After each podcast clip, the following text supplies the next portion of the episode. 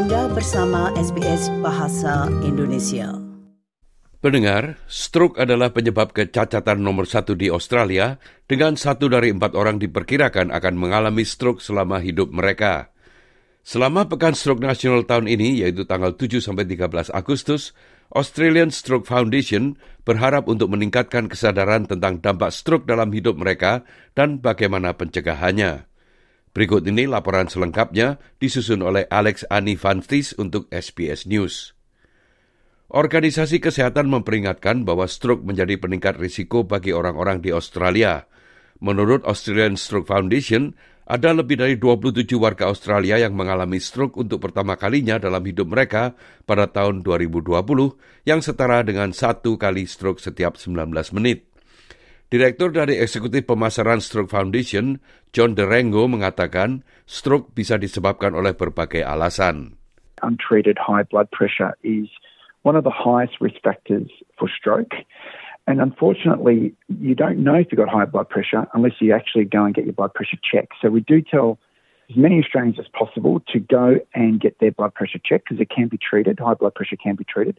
There's also family history of stroke, being overweight, uh, smoking, having high cholesterol or a high intake of alcohol and or having diabetes can be lead causes of stroke.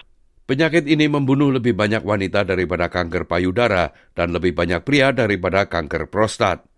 Ada lebih dari 445 ribu orang Australia yang hidup dengan efek dari stroke.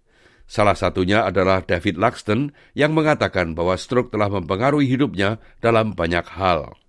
Certainly like uh, you know I'm not working anymore, uh, even though like I loved work when I was working, but um, just still sort of working day by day, getting through, trying to find improvements where I can, and and just finding ways to enjoy life. Durango menjelaskan secara lebih rinci bagaimana stroke dapat mempengaruhi kehidupan sehari-hari seseorang. Because the brain controls everything we do, the way we think, the way we move, speak, and eat, stroke can leave people with a wide range of physical and or cognitive changes and disabilities. Now, some of the effects can include paralysis, speech and swallowing difficulties, problem with memory, hearing or eyesight. It all depends on where in the brain the stroke occurs and how severe it is. Um, there's two types of stroke. There's either a blood clot or a bleed, but in essence, a stroke is a way we describe the blood supply to the brain being suddenly cut off or affected. Ketika terjadi serangan stroke, penyakit itu menyerang hingga 1,9 juta sel otak per menit. Hal itu berarti sangat sedikit waktu bagi seseorang untuk bereaksi atau bahkan menyadari bahwa mereka sebenarnya telah terkena stroke. Laxton menjelaskan sebelum serangan stroke-nya terjadi. The morning it happened, I wasn't feeling that great, so you know it'd been a busy few days, and I was feeling pretty tired, but.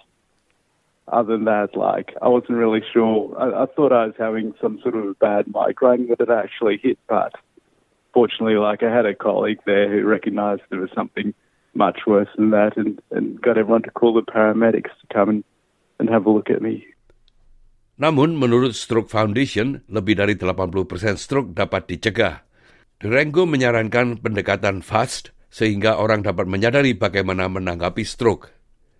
Uh, and there's a very simple acronym to remember, and that is the acronym of FAST. F is for face, has their mouth drooped or uh, is, is their face drooped? A is for arms, can they lift both arms? S is for speech, is their speech slurred or do they understand you? And if any of those signs are present, then T is for time. Time is absolutely critical because stroke is always a medical emergency. So call triple zero immediately if any of those face, arms or speech. Selama Pekan Stroke Nasional tahun ini yang diperingati antara tanggal 7 sampai 13 Agustus, Stroke Foundation memperingatkan bahwa tanpa tindakan pencegahan pada tahun 2050, jumlah stroke pertama yang dialami oleh warga Australia setiap tahunnya akan meningkat menjadi 50.600 orang atau satu stroke setiap 10 menit. Mereka juga mengatakan akan ada 819.900 penderita stroke yang hidup di antara masyarakat. Angka yang tampaknya tinggi secara tidak wajar dari gejala kesehatan itu dapat dicegah dengan menjalani gaya hidup yang lebih sehat dan dengan menjadwalkan lebih sering kunjungan ke dokter umum Anda. Laporan tadi disusun oleh Alex Anifantis untuk SBS News dan disampaikan oleh Ricky Kusumo.